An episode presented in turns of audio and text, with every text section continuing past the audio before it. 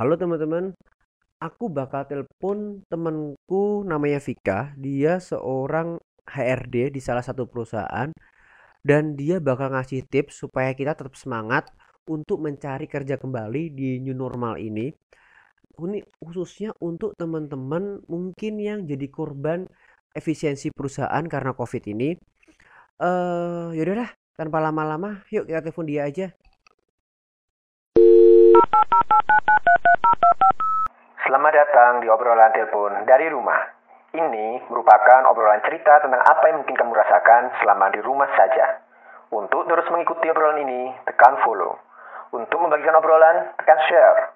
Untuk informasi lebih lanjut, buka Instagram telepon dari rumah dan di sana kamu juga bisa membagikan cerita kamu. Terima kasih.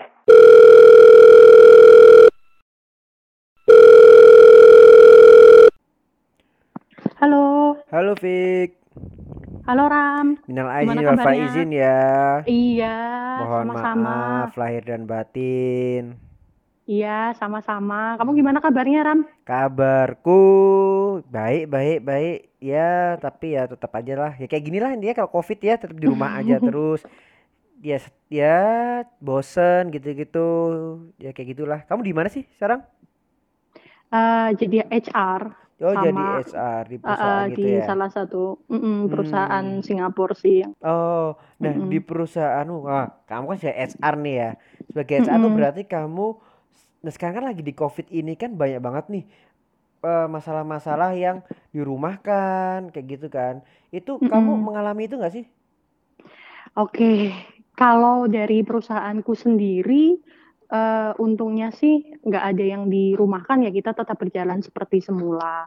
Dan di sisi lain juga eh, karyawan kan walaupun nggak kena dampak COVID, kalau yang di perusahaanku mereka juga harus bersiap eh, dengan WFA, WFO banyak banget sih Ram yang hmm eh, cukup apa ya namanya kayak kejadian-kejadian atau hal-hal yang perlu aku perhatikan sih selama COVID ini. kamu ke HR tuh Mm. bagian recruiter atau bagian kamu apa Eh, saya sih bagian rekrutmen ya. oh bagian rekrutmennya ya Heeh, oh heeh, gitu nah untuk heeh. rekrutmen kan berarti kan kalau misalkan nih kamu dari sudut pandang rekrutmen kan biasanya di PHK gitu kan pasti akan punya nilai negatif nih bagi mm-mm. seorang perusahaan di next perusahaannya ya kan Oke, Tapi oke, kalau misalkan nih, karena dengan kondisi sekarang ini gimana sih? Apakah itu jadi hal yang wajar atau akan dipandang negatif juga? Oke. Eh, kalau dari eh, segi COVID-nya ya, eh, nggak usah risau lah. Maksudnya, menurutku hampir semua HR bisa aja buka di LinkedIn tuh ya. Kita saling bahu membahu kok.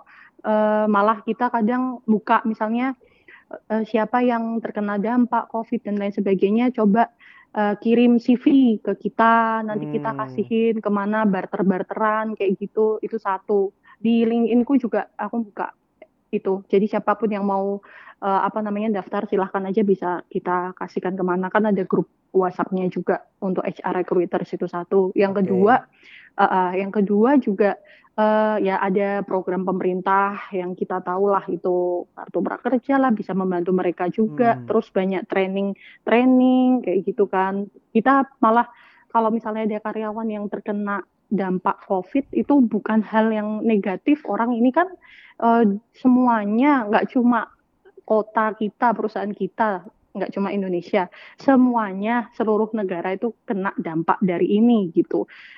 Jadi menurutku itu bukan hal yang negatif ya dan kita HR malah eh, kadang kayak ngerasa waduh kena COVID ya gitu kan kadang bukan karena salah kita tapi memang apa ya emang bencana kan ini benar. gitu.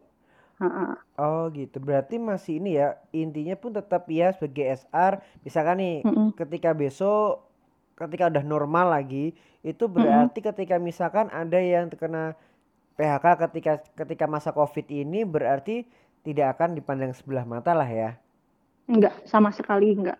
Hmm, nah terus kan eh kalau kita lihat nih eh, di beberapa misalnya di LinkedIn gitu kan, Mm-mm. itu Mm-mm. Jobstreet itu kira-kira itu sebenarnya peluang untuk membuka tuh masih ada atau ya karena masa ini jadi berkurang gitu? Oke, Em, itu tergantung perusahaannya ya. Hmm, Ada beberapa perusahaan yang malah pas COVID kayak gini malah mereka rajin rekrutersnya. Karena gini ya, uh, kalau poin dari aku saat sekarang ini adalah saatnya bertebaran uh, para job seeker yang bagus gitu.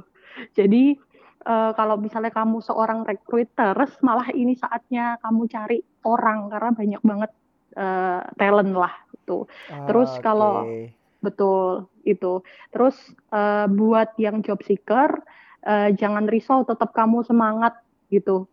Daftar-daftar uh, karena uh, apa ya banyak kok perusahaan yang mereka punya MPP lah. Kalau misalnya apa besok COVID-nya udah manpower planning. Oh, MPP, dengar ke MPT. Uh, MPP, oh, ya. ya. nah, itu kan jadi tahulah besok setelah ini uh, apa saja sih.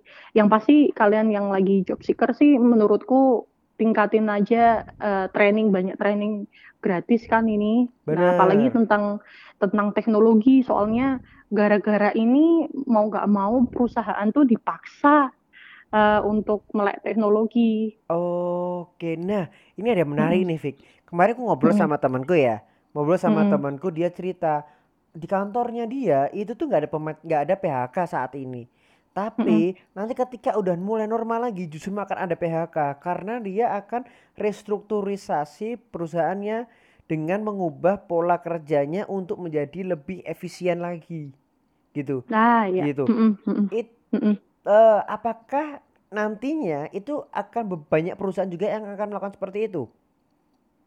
Oke, kalau banyak uh, saya kurang tahu ya, maksudnya nggak bisa memprediksi hal itu. Tapi kalau itu ada, memang ada, nggak cuma satu perusahaan lah gitu. Karena apa?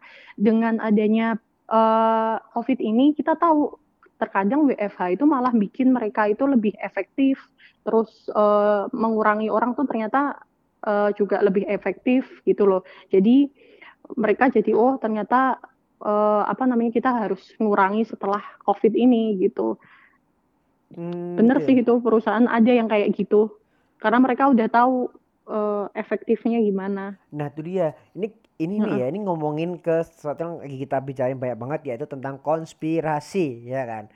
Bahwa ini benar uh, hal yang yang hal yang mungkin bisa bisa nggak tahu sih. Aku sih ya rada, rada ada ada ada ada, ada percayanya lah gimana mm -hmm. bahwa salah satu yang yang bikin aku percaya adalah kemudian nantinya kita semua mm -hmm. benar-benar mengarah ke digital perusahaan apa pun itu yang tidak mm -hmm. bisa mengarah ke digital itu yang akan kalah mm -hmm. ya kan kemudian mm -hmm. behavior uh, orang sekarang udah mulai benar-benar digital juga Orang iya. belanjanya ya. biasa di pasar, kemudian sekarang hmm. belanja lewat aplikasi. Padahal dulu hmm. belanja aplikasi sebenarnya udah lama tuh sebenarnya udah ada, tapi nggak laku gara-gara di pasar ada. Sekarang gara-gara covid ini kemudian jadi dia harus bisa aplikasi kayak gitu sih.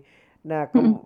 itu uh, apakah nih ini ya kemudian udah the new normal aku nggak ngerti sih bahasanya besok after after the new normal tuh apa ya apa the new new, new normal apa apa nggak tahu lah ya itu apakah kemudian semua akan mengarah ke sana?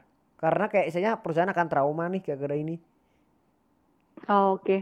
um, ya kalau aku lihat COVID ini ada positif negatifnya ya, negatifnya untuk kesehatan tapi positifnya ya untuk teknologi hmm. gitu kan. Nah kalau di pertanyaanmu tentang konspirasi ya, uh, aku juga nggak berani ngomong ya, tapi percaya nggak percaya ya mungkin itu ada. Kita sih ambil positifnya aja, jangan terpaku ke konspirasinya. Hmm.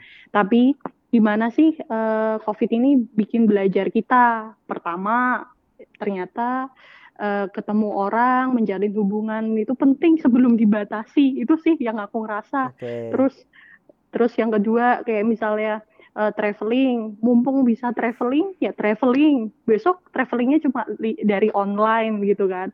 Terus ketiga, kita mau nggak mau harus agile. Tadinya kita itu ngerasa bisa segalanya, ternyata kita itu nggak bisa nih. Uh, dulu aku juga kayak gitu, mikirnya jangka panjang. Tapi sekarang aku benar-benar hidup di masa sekarang gitu.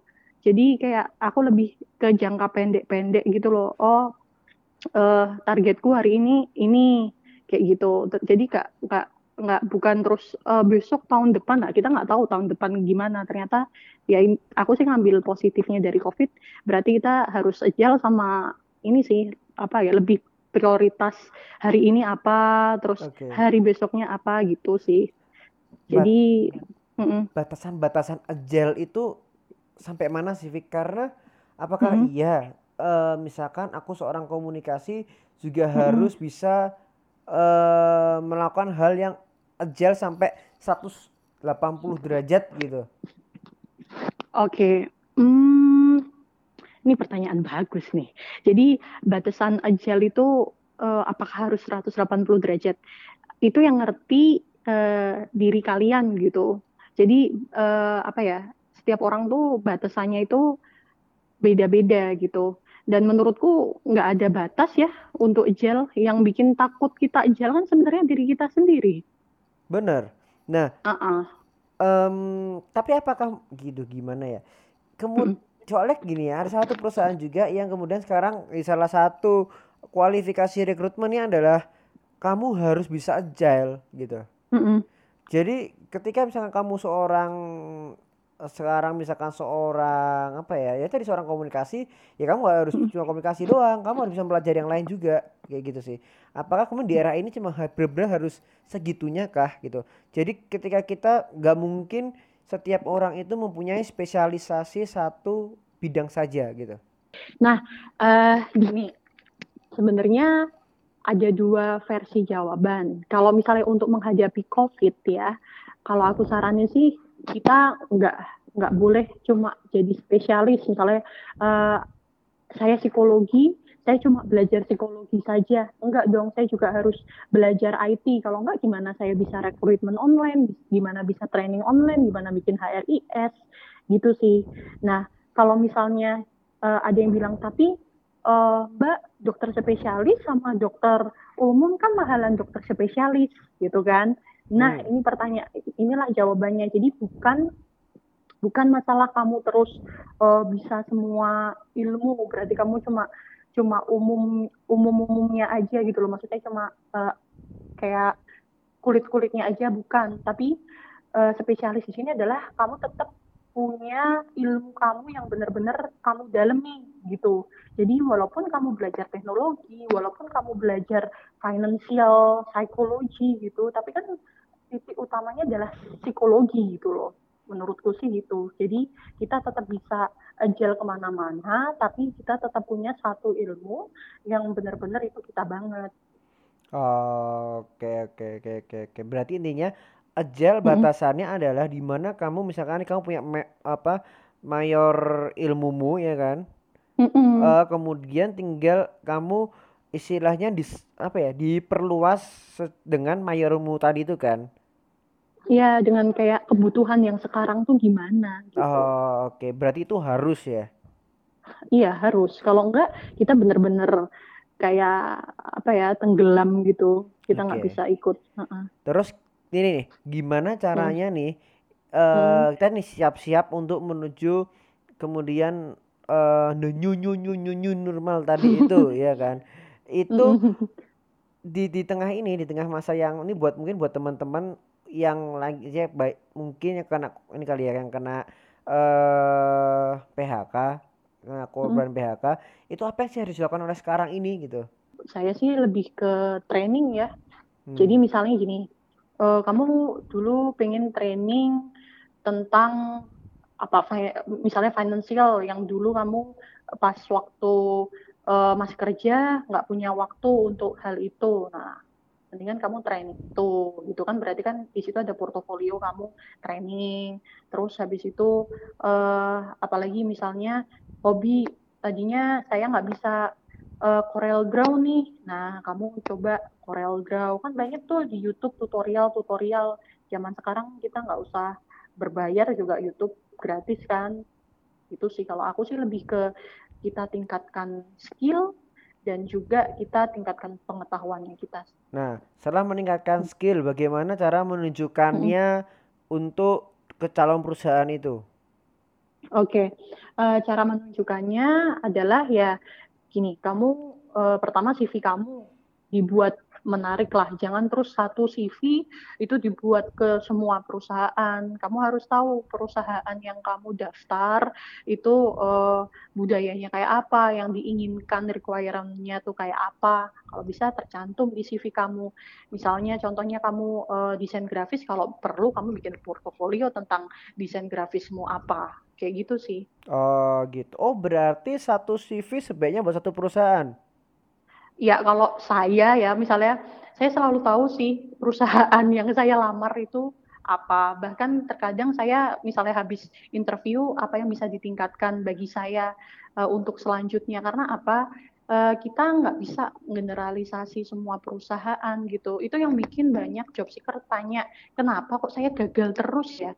Ya gimana kamu uh, bisa masuk di suatu perusahaan kalau kamu melakukan hal yang sama berulang? Oh, Oke, oke, oke, oke, oke, oke. Oh, baik, baik, baik. Menarik, menarik, menarik, menarik.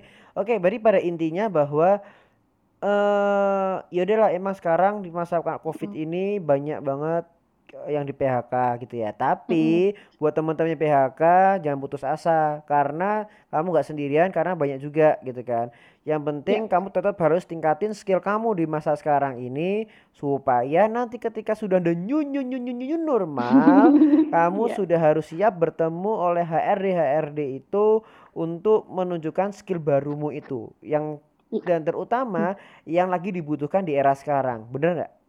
Betul banget, soalnya pasti besok KR tanya, selama kamu kena dampak COVID, apa yang kamu lakukan? Oke, bagus Nah, itu. gitu sih. Sip. Iya, ter terus apa lagi ya? kalau kamu hmm. dapat Taufik, apa yang kamu iya. lakukan? Oke. Apa yang kamu lakukan? Pasti itu akan ditanyakan sih. Ah, ya benar-benar. Oke, Revik, mm paling sih gitu. Mm uh, Ini semoga bisa ngasih insight buat teman-teman sih. Iya kan? Ya. Oh, ada satu lagi. Ada apa lagi tuh? Eh, kadang kan kita nggak tahu tuh uh, sebenarnya kelemahan atau kelebihannya kita apa hmm. gitu. Nah, di, sekarang nih kayaknya kok uh, aku nggak mau ngomongin platformnya nanti dikira iklan ya tapi maksudku banyak banget platform-platform di internet itu yang nyediain kamu keunggulannya apa kelemahannya apa cobalah di situ jadi kamu lebih tahu kamu tuh uh, seperti apa sih jadi kamu jangan sampai uh, salah daftar perusahaannya juga nanti yang disalahin perusahaannya nggak sama budaya sama kita. Padahal kita yang nggak mau cari tahu tentang perusahaan itu gimana kan. Gitu. Oke, berarti penting hmm. juga buat kita tahu perusahaan yang mau kita masukin. Iya.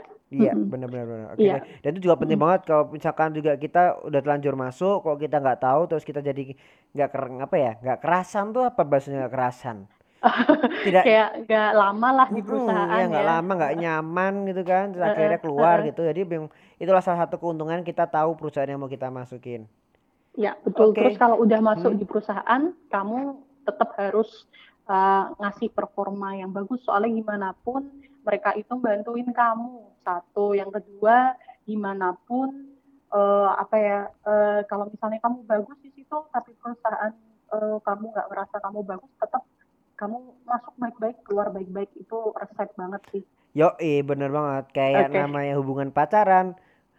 Yo kan? Nembak iya, deketin yang baik-baik nembaknya baik-baik iya putusnya juga harus baik-baik. Barangkali balikan. Ya iya kan? bener. Udahlah daripada kita ngelantur udahin aja obrolan kita malam ini. Iya, makasih banget ya Ram. Yo, iya, makasih juga Semoga bisa bermanfaat yo. Bo, makasih. Selamat malam, Fik. Yo, good night.